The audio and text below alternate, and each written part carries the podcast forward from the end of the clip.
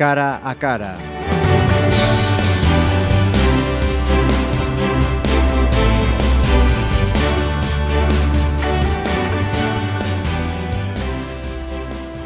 Primer cara a cara con un Pontevedrés que cuenta con una estrella Michelin, tres soles eh, Repsol y gestiona, que me corrija él si me equivoco, el restaurante Decano de Galicia, Casa Soya. El decano en la guía Michelin, no. El decano en la guía Claro, Michelin. ¿ves? Yo creo que ya... Hay un detalle ahí que matizar. Exacto, no sé, hombre, no sé, no sé cuál será el, el restaurante decano hoy día de, de toda, de, to- de toda Galicia. Podría ser un dato que podríamos buscar hoy día que además que en Pues internet luego le preguntamos todo. al señor Google, si te parece. Justo, justo hoy día es que todas las discusiones terminan en 15 segundos, que es el tiempo que tardas en sacar el En- móvil y de pronto buscar en Google, ta, ta, ta, ta, ¿no? Y, o sea, Por, por ahí también tengo alguna cosilla Vale. que preguntarte. Pues como ya habéis escuchado su voz, estamos hablando con Pepe Soya.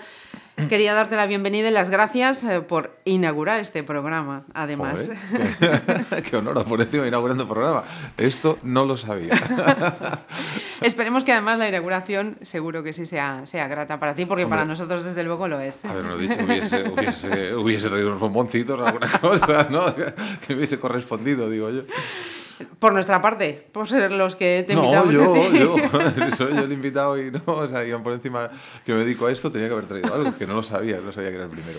Os lo debo. Por cierto, pues mira, ya, ya te lanzo la siguiente invitación porque te digo, tenemos también otro programa que se llama La Playlist y lo que vamos haciendo es una Mm, ¿me biografía musical. Y contigo también sabemos que tienes esa vertiente musical que eh, puede dar mucho de sí. Me puede gustar mucho este segundo programa. Pues ya os digo, volverá, volverá a avísame, Soya. avísame si es el primero. Para- El primero creo que ya lo tenemos Vale, ya, no tengo que nada. Pepe, eh, dice el refranero que hay que ser cocinero antes que fraile. Y si me lo permites, tú has sido fraile antes que, que cocinero. Has sido estudiante de empresariales, eh, sumiller Sí. y finalmente, co- como el actual, en la actualidad, cocinero, ¿no? Sí, sí, sí, sí, sí, no sé, o sea, ¿cómo, cómo, o sea, hay que ser... Cocinero antes que fraile. ¿Ah, sí? Eso dice el No, o sea, refrán. eh, pues bueno, pues si es el refrán. Que están para refrán, romperlos, ¿no? que exacto, está para romperlos. A ver, yo, yo, creo que, yo creo que en la vida tienes que ser cuantas más cosas puedas, mejor. Porque al final eso te Comparto. va a dar, ¿sabes? Una, una visión mucho más global y mucho más genérica. Y en el restaurante en concreto yo creo que también, al final te da una visión eh, de las dos partes que tiene un restaurante, que tiene, ¿sabes? Que tiene la sala y tiene la cocina, no solo una de ellas. Que a veces, que a veces es, es difícil las convivencias, como todas, Sí, sí. ¿no? pero que tienen que convivir, no hay otra. Y entonces eh, yo tuve la suerte bueno, de por lo menos haber visto las dos y haber convivido en las dos y, y creo que esto me da una visión un poco más global. Ujú, Seguro, que- seguro que sí. Tras revisar tu biografía y leer lo que has escrito eh, sobre ti, tengo otra pregunta. Eh, ¿Sigues comiendo los molletes de las bollas de pan? Eh, no, pero sigo comiendo mucho pan. De hecho, en casa es como un vicio eh, en, donde, en donde cortamos, en casa, cuando digo casa es el restaurante, ¿eh? En el restaurante en donde, en, donde, en donde cortamos el pan, digamos, está en una zona de paso. Eh, justo en donde empieza la parte de cocina realmente, ¿no? Pero que pasamos un montón de veces. Entonces, claro, inevitablemente está allí, está allí y de vez en cuando pasas y coges un poquito de pan y entonces es, es la perdición, porque entonces te engancha el pan y comes más pan y comes más. Yo siempre digo, mejor es que no lo toco, pero cuando lo toco a partir de ahí me pierde. No son bolletes, pero sigo comiendo pan, sí.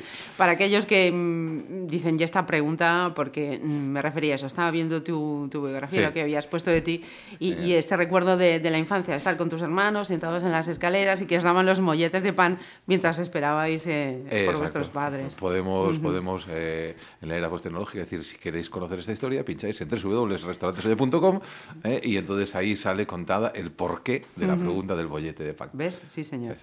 Eh, marketing no, no habías hecho, ¿no? No, pero, no, pero me hubiese gustado, me, me hubiese gustado mucho, la verdad, que me, que me divierte mucho. Aún, la verdad que lo comentaba hace, hace poquito, me hubiese gustado hacer marketing, me gusta, me gusta el marketing, esto, esto, de, esto, de, esto de vender. Bueno, me gusta el marketing, claro, o sea, estaría encantado de vender cosas pues que me gustan, pero en marketing a veces tienes que vender cosas que no te gustan. no no sé si sería tan bueno en esto, pero bueno, pero me gusta la idea del marketing. Eh, has sido el único de, de tus hermanos que, que se ha dedicado a los fogones. Sí, directamente a los fogones, sí. Mi hermano, mi hermano eh, lleva el tema de el tema banquetes, ¿vale? Eh, no está en el fogón, pero... Pero, complementa también, ¿no? Exacto, justo, mucho, mucho, mucho, mucho. De hecho, es la, es la empresa Banquetes. Eh, que, no está, eso, que no está en el fogón, pero también se dedica a esto desde, otra, desde otra óptica. ¿no? Y otra pregunta más, en referencia a los comentarios que hacía sobre ti. Mm, la diferencia entre sencillez y simplicidad. Uf, eh, la sencillez tiene magia. ¿Sabes? La sencillez es esto que no sabes por qué, pero te cautiva. ¿Por qué? Pues porque es sencillo, pero tiene lo básico, lo esencial. Y la simplicidad, a veces, o sea, ser simple no es. Sería la carencia, ¿no? Sería lo contrario. exacto. Ser simple es que algo, algo, alguna carencia tiene. Y sin embargo, en la sencillez no hay, no hay carencias. Hay magia y no sabes por qué. y, y eso explica también tú qué hacer. La sencillez, sencillez y no simplicidad. La intención. la intención. Tengo, entendido que sí, tengo entendido que sí. Hay una máxima también que señala que mm, la vida de una empresa son, son 40 años. Y tú has roto también esa máxima empresarial. Eh, sí, en empresariales, cuando yo estudiaba, empresariales, como tú bien dijiste, eh, nos habían enseñado que una vida útil de una empresa eran 40 años, no más, ¿no? que si no, o sea, a partir de ahí cuesta, cuesta muchísimo, porque la empresa, eh, la sociedad en 40 años cambia tanto que si la empresa no cambia, se queda fuera de la sociedad. ¿no?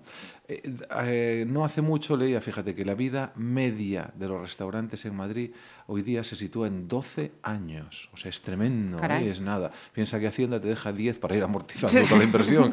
O sea, que te quedarían o sea, cuando termines después, te queda... dos después, ¿no? O sea, es tremendo. ¿Qué, ¿Qué, es lo que...?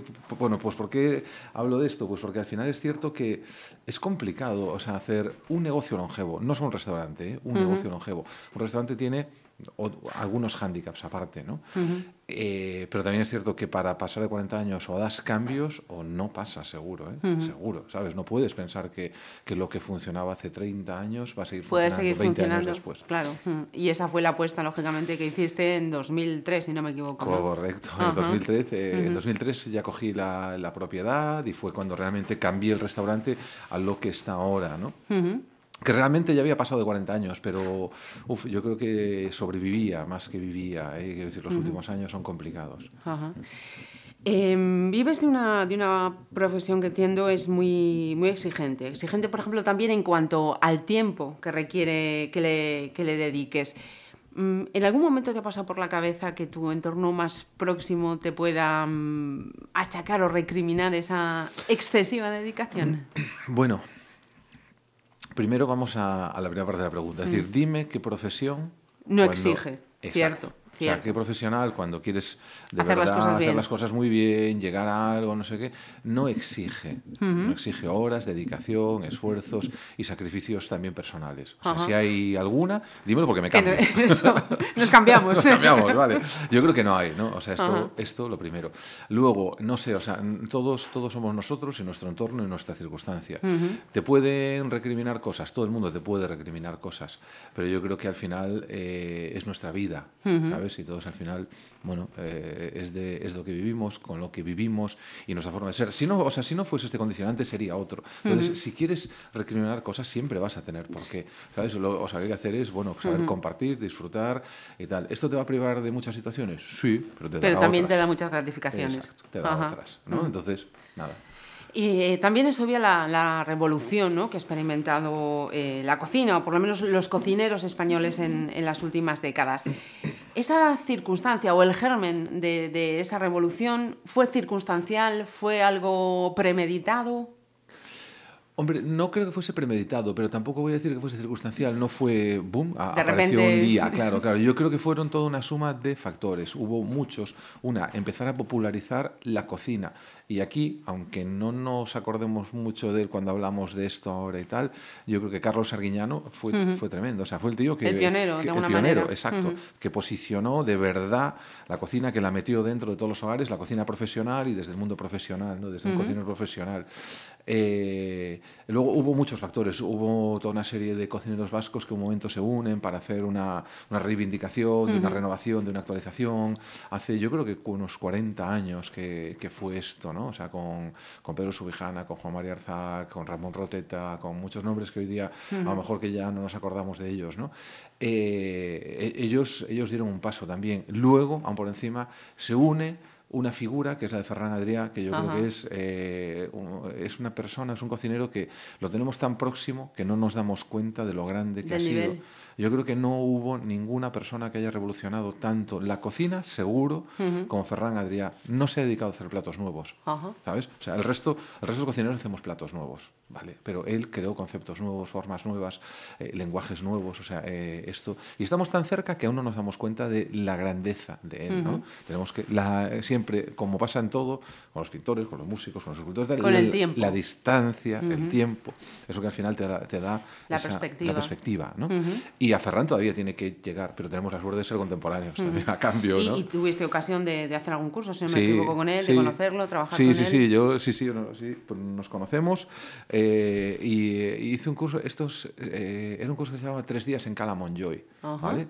Tres días que te pasabas encerrado con él y él es como ostras, es, es, un tío que yo creo que su cabeza va más rápido que el resto de los periféricos, Entonces, pero es como, es como una auténtica metralleta de, de, lanzar ideas, de comunicar, de hablar, de, ¿sabes? No para, no para, no para. Uh -huh. es, es, un tío privilegiado en esto y tenemos por encima, los, o los privilegiados somos nosotros que somos contemporáneos de él y podemos conocerlo, Ajá. charlar con él, escucharle y compartir con él, ¿no? Entonces, eh, esto venía a colación, o sea, no creo que haya sido un momento bluff, sino que ha sido uh -huh. toda una suma de circunstancias ¿no? uh -huh. que, nos ha, que nos ha llevado a ello. Y luego por encima que España tiene una, tiene una base, la cocina tiene una base que es fundamental, que es el producto, y España tiene una base de producto increíble. Entonces esto, y Galicia más. Vamos a decir, eso, eso te voy a decir, y más donde estamos que no, que no vamos sí, a lavar. Sí, sí. Y Galicia más, y bueno, entonces todo, todo esto ha sido una confluencia de factores. Citamos precisamente el caso de, de, Arguiñano mm, y voy a enfilar por ahí la siguiente pregunta que tenía preparada, claro. porque es esa revolución eh, ha redundado en la visibilización de, de, tu profesión por la presencia cada vez más, más importante y con más eh, seguidores de, de, los cocineros en, en, televisión y también, por tanto, de, de la vocación, ¿no? Sí, sí, sí, sí. O sea, sí que ha, es claro, o sea, esto te ha popularizado. Eh, ha dignificado mucho la profesión. A veces yo creo que, a veces digo que yo creo que el péndulo está un poquito fuera de, del punto pues, de equilibrio y creo que a veces es un poco exagerado, incluso, uh -huh. ¿no? Porque hasta se venera.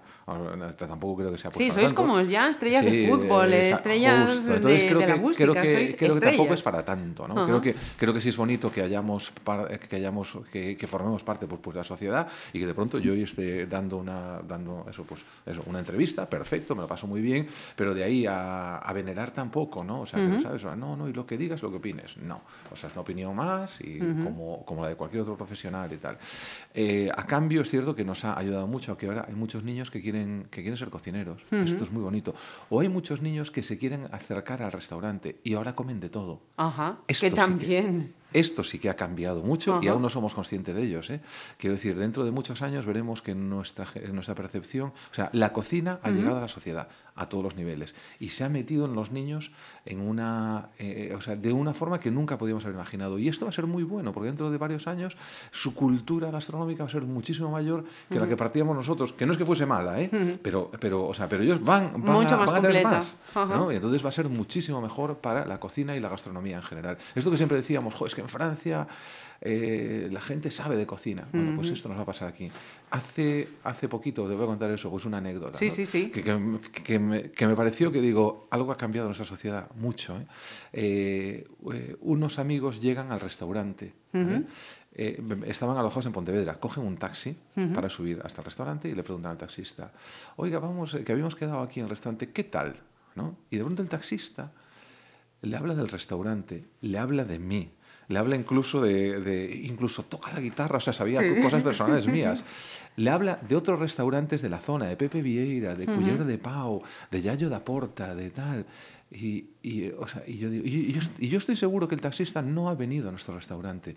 Pero ojo, o sea, hoy día conocen, saben y hablan de ti y con este tal. Y entonces esto es muy bueno. O sea, esto es. Eh, hace años le habría dicho, no, vaya mejor ahí a un, sitio en donde se come muy bien y paga muchísimo menos, ¿no? Entonces, y posiblemente haya un sitio donde se coma fantástico y tal. Pero, pero esa menos cultura. Ya sabe, esa cultura. Y lo hablaba del mío, de Cuyer de Pau, de Pepe Vieira, de no sé qué y tal. Ojo, es buenísimo. ¿eh? y, e importante también para, para la provincia y para el sector eh, turístico, que desde luego son, agentes muy importantes. Muchísimo. ¿Y qué tal la experiencia en televisión, en tu casa en Canal Cocina, ¿no? que creo que es la más dilatada en el tiempo? Sí, sí, hice, hice dos series con ellos de 22 capítulos cada una. ¿no?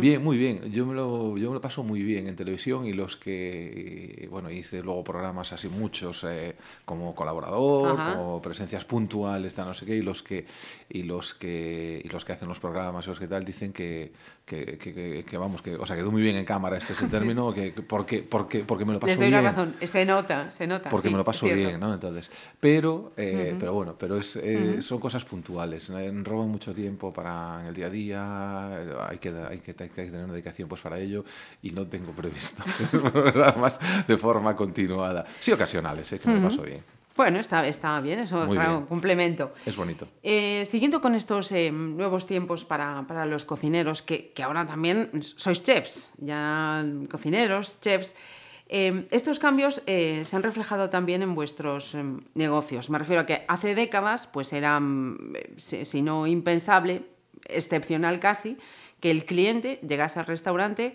y viese al cocinero cómo elabora el producto. Ah. Eso significa que ahora el cliente ya no solo va a comer al restaurante, va también a ver, mm, no sé si me vas a decir, no, esa no es la palabra, el espectáculo de la elaboración de lo que va a comer.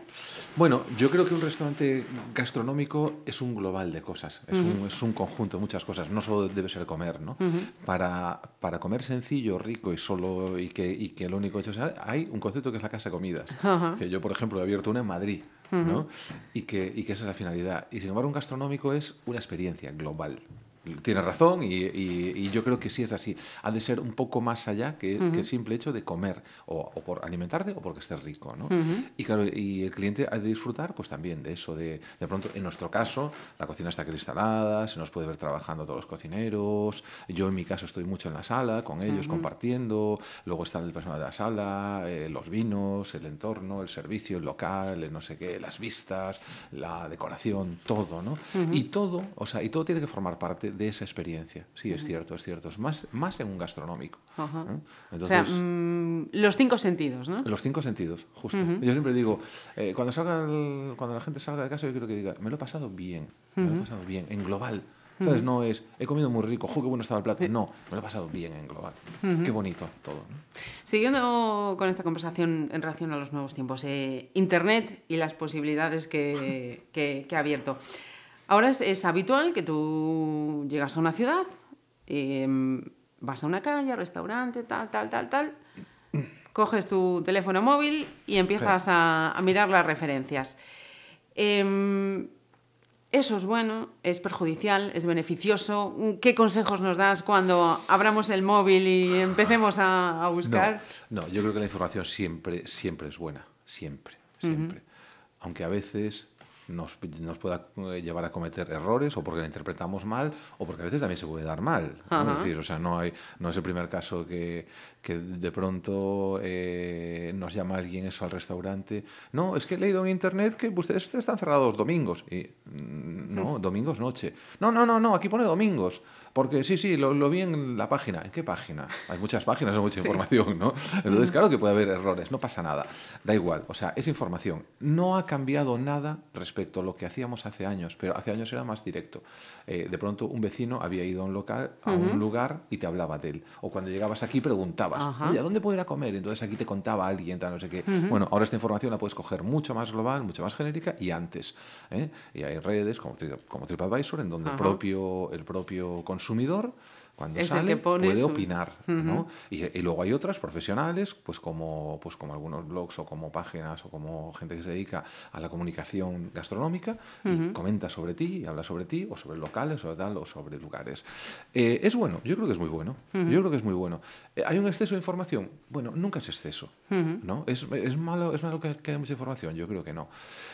Insisto, Hay que o sea, saber digerirla y exacto. seleccionarla. Y a veces, eso, a veces está mal, o a veces el que escribe es un cliente que salió disgustado y escribe, y escribe mal. O sea, escribe mal. No, él, él escribe bien, pero, escribe, pero escribe cosas pues, que, no, que no le han gustado de tu sitio. Y que por eso vamos a, a decir que es mala, vamos a, a denostarla, vamos a tal. Porque cuando hablan bien, nadie, No, no nadie, protestamos. nadie, nadie, nadie protesta. Entonces tienes que asumir que es un poco que lo que pasaba antes. La gente venía a tu restaurante y yo entiendo que hay gente que a lo mejor que, no, que, no, que no sale pues satisfecha por lo que sea, que tiene también su derecho. Yo creo que es la mínima, muy poca, pero puede haber alguien y lo puede manifestar. Antes se lo contaba al tío que estaba al lado y hoy día lo cuenta en una red. Bueno, ahí está. ¿Y, y Pepe Soya tiene tiempo para ver todos esos comentarios? No, o no solo. hay no que solo- tener esa No distancia. solo verlos, no solo verlos. eh, de vez en cuando alguien pues, me dice, me comenta, y tal, no sé qué. No solo verlos, no, no. O sea, eh, así como si manejo redes que sí me gusta, ¿no? O sea, me lo paso muy bien con Instagram, con Facebook, con Twitter y tal. Pero no solo ver muchos comentarios, porque tampoco. A ver, yo creo que has de hacer lo que has de hacer y has de, y has de, y has de, y has de creer en lo que haces, En lo que ¿no? haces. Y no, y no debes desviarte pues porque alguien de pronto le ha gustado más o menos. Sí, cuando hay algún comentario sobre algún fallo, sí, esto es bueno. ¿no? Sí, Entonces, sí. tal, y, y siendo objetivo. Luego ya que guste más o menos, bueno, bueno, creo que Ya cada uno escapa. claro, Ujú. no, no, a, no a, todo, a todo el mundo le gusta, pues Bifi Clyro, vale, habrá quien no le guste nada, habrá quien no conozca. Otra cosa o- más que tengo que consultar al señor que ahora mismo cuando Bifi terminemos. Clyro es un grupo galés de música que a mí me gusta mucho y que no es muy conocido. Y entonces hay mucha gente que sí le gusta y, son, y es fan y yo, y yo se, lo he, se lo he metido a mucha gente y ahora está enganchada. Y hay otra que no. ¿Y qué pasa? Y otra que dice, ah, me parece horrible. Bueno. Y- Para o sea, gustos y- hay colores. Claro, justo. Y está en lo cierto, todo el mundo. Ajá. Citabas también antes a los eh, bloggers. Mm, yo no sé si esta pregunta es un poco comprometida, pero yo la lanzo mm, Tú para que me la confirmes o, no.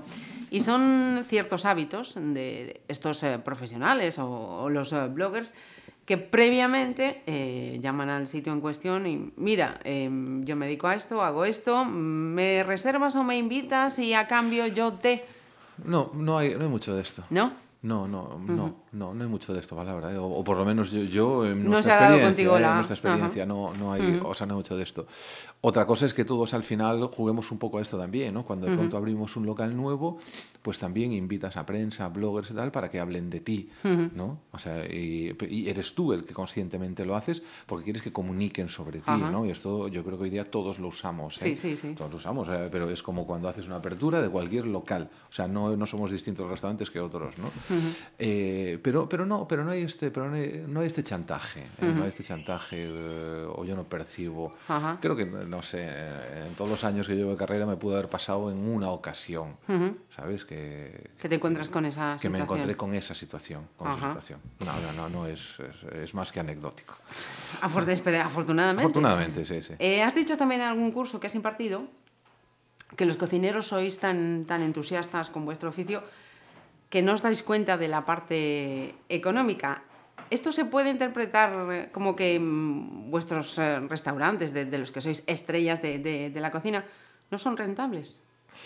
Hombre, no voy a decirte que no sea rentable el restaurante, porque si no tampoco sería viable. No es cierto, eh, sí, sí es cierto que un restaurante gastronómico de nuestro formato no tiene una rentabilidad como la que debería tener. un- o sea, tú se lo das a un economista y te, lo, y te lo analiza como a, nivel empresa y, y- y obviamente dice, no, no, o sea, esto no, no da la rentabilidad que debería tener para el, el esfuerzo económico que hay que, hay que, que hay que meter cada año y el esfuerzo humano y físico, ¿no? Sí, sí. Eh, pero ojo, eh, si no fuese rentable tampoco estaríamos aquí. Y luego es cierto que a veces que la rentabilidad viene por situaciones paralelas. De pronto te llaman para, o sea, pues, El prestigio, El prestigio, de pronto te da, claro, Ujú. para una, pues para, te llaman pues para, pues para una charla y ese te la pagan, te llaman para, o para tal, o te, o te permite abrir eh, otros negocios y que todo, ¿sabes? En donde sí la rentabilidad es, es un poco mayor. Entonces al final, hombre, todos vivimos de esto, ¿eh? Yo tengo una familia, todos vivimos Claro. de ello y, y yo no puedo quejarme de, de- de cómo va pues mi vida, ¿no? En absoluto, ¿no? Eh, insisto, o sea, se lo das a un economista y te lo analiza con números y dice, esto no da la rentabilidad que debería dar, pero todos al final vivimos de esto. Y ojo, eh, hoy día en Galicia hay muchos restaurantes gastronómicos y todos sobrevivimos. Esto quiere decir que también hay clientes para ello. ¿eh? Que siempre decimos, no, ¿y esto en Galicia funciona? Pues si era una pregunta, te la contesto yo antes de que preguntes. ¿Esto en Galicia funciona? Sí, yo creo que en Galicia ha evolucionado, o sea, en toda España, o sea, eh, los cocineros, la cocina ha evolucionado mucho. pero, y, y, ahora hablando de Galicia, que es nuestro territorio, y el público también, muchísimo. Si no, si no hay público, ¿sabes? O sea, tampoco tendríamos ninguna razón de ser. ¿Qué, hago yo como cocinero si nadie viene a comer mis platos? Ya no solo a nivel empresa, incluso como cocinero, ¿no? ¿Qué hago? Y a, nivel empresa también. Antes de preguntarte precisamente por el, cliente gallego, por los eh, cocineros eh, gallegos, y hablando de esa, de, esa evolución, me quería referir al grupo 9, precisamente porque erais 9 y creo que ahora sois ya más de 20. 22, sí, sí, sí, Esa evolución, eh, número de, de, de, colegas, si me lo permites, eh, así, ¿cómo, ¿cómo se lleva?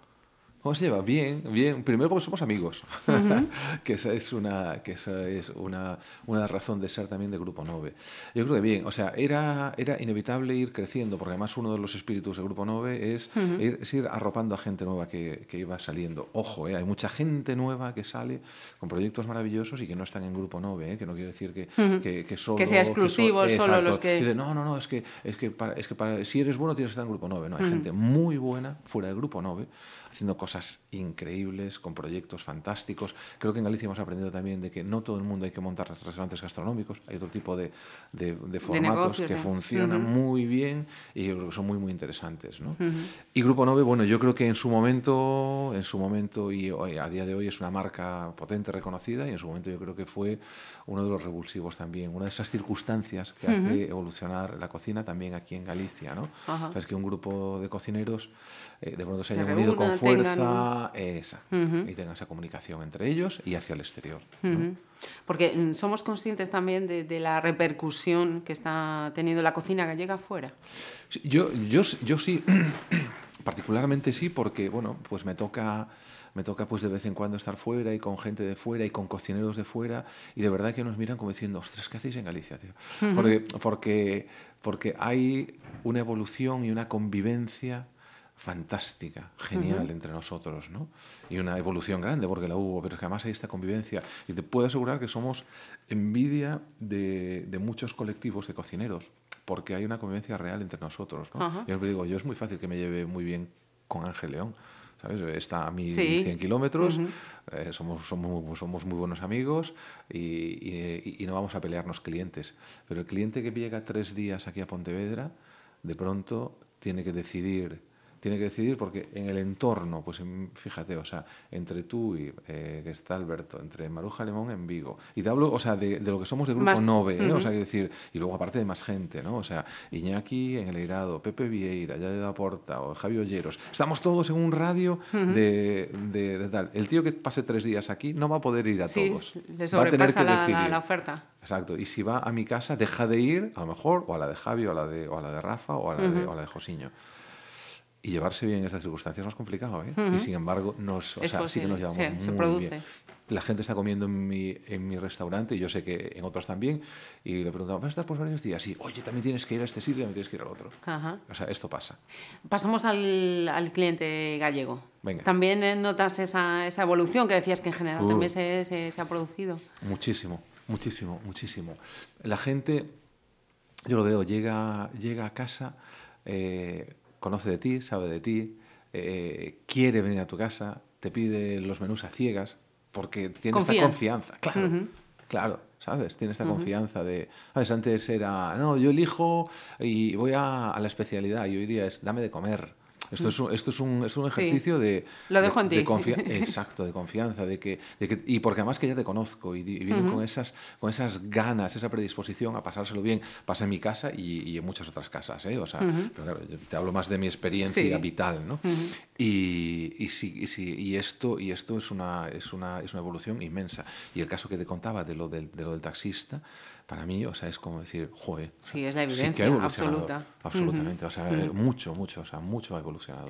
Y la tercera pata de, de, la mesa, vamos a ponerle tres, el producto. Todavía Esa- tenemos que esa seguir... no es la tercera, esa es No la primera. tercera, esa es la primera, perdón. Esa es la esto- razón de ser. pues vamos a la primera, el, el producto. Todavía queda mucho por, eh, por evolucionar, por seguir eh, sacando más potencialidad de la que ya, de la que ya tiene. Bueno, eh, en ciertas cosas sí, en otras no. Es decir, unas son dotes naturales. Es decir, lo, que, lo Mm. que está en el mar está en el mar. Lo que tenemos que aprender es a convivir con esos recursos que son limitados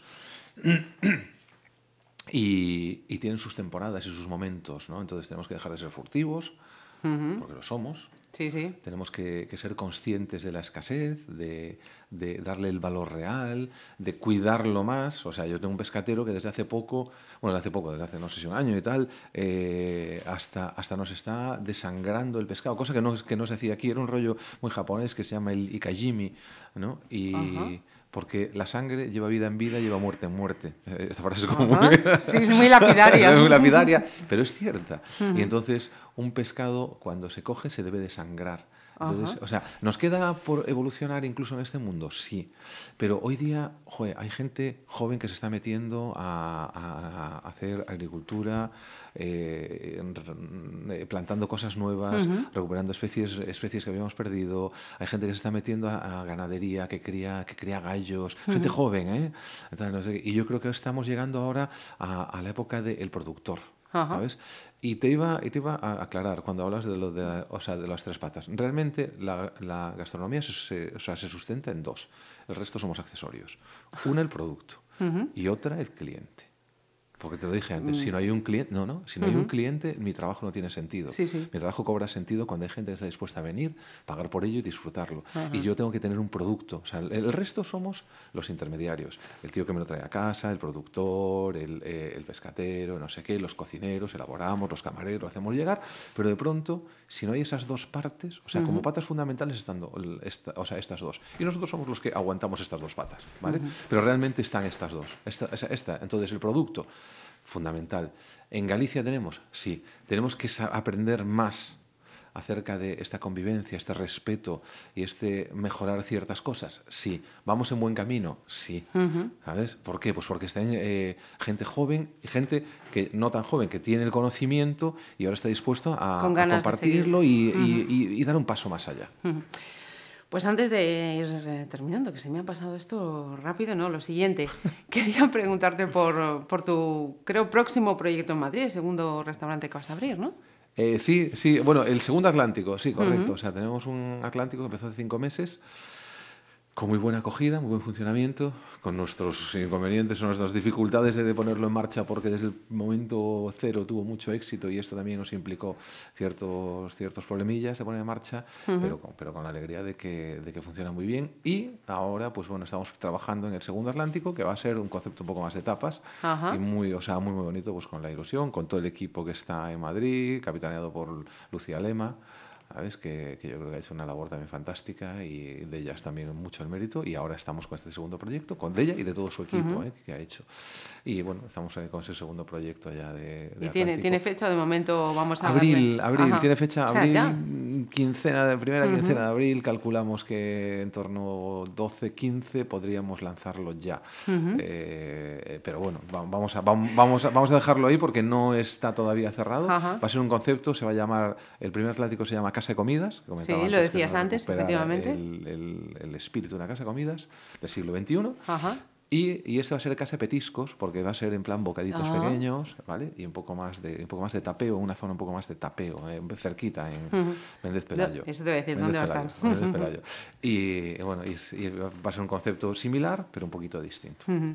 Pues eh, mucha suerte que seguro que la vas a tener Bueno, mucho esfuerzo. También lo que en el esfuerzo que la mucho suerte. tiempo y mucho Sí. Decía Severiano. Ballesteros, decía, cuanto más entreno, más suerte tengo. Entonces, Y la suerte no, no, viene, no viene gratis, ¿no? No, no, Efectivamente. Pues Pepe, que ha sido un placer y lo que te decía al principio, te esperamos para una playlist, ¿eh? uy, ese, ese me puede encantar. Vas a conocer a Bifi Clyro. Muchísimas gracias. Gracias a vosotros, de verdad.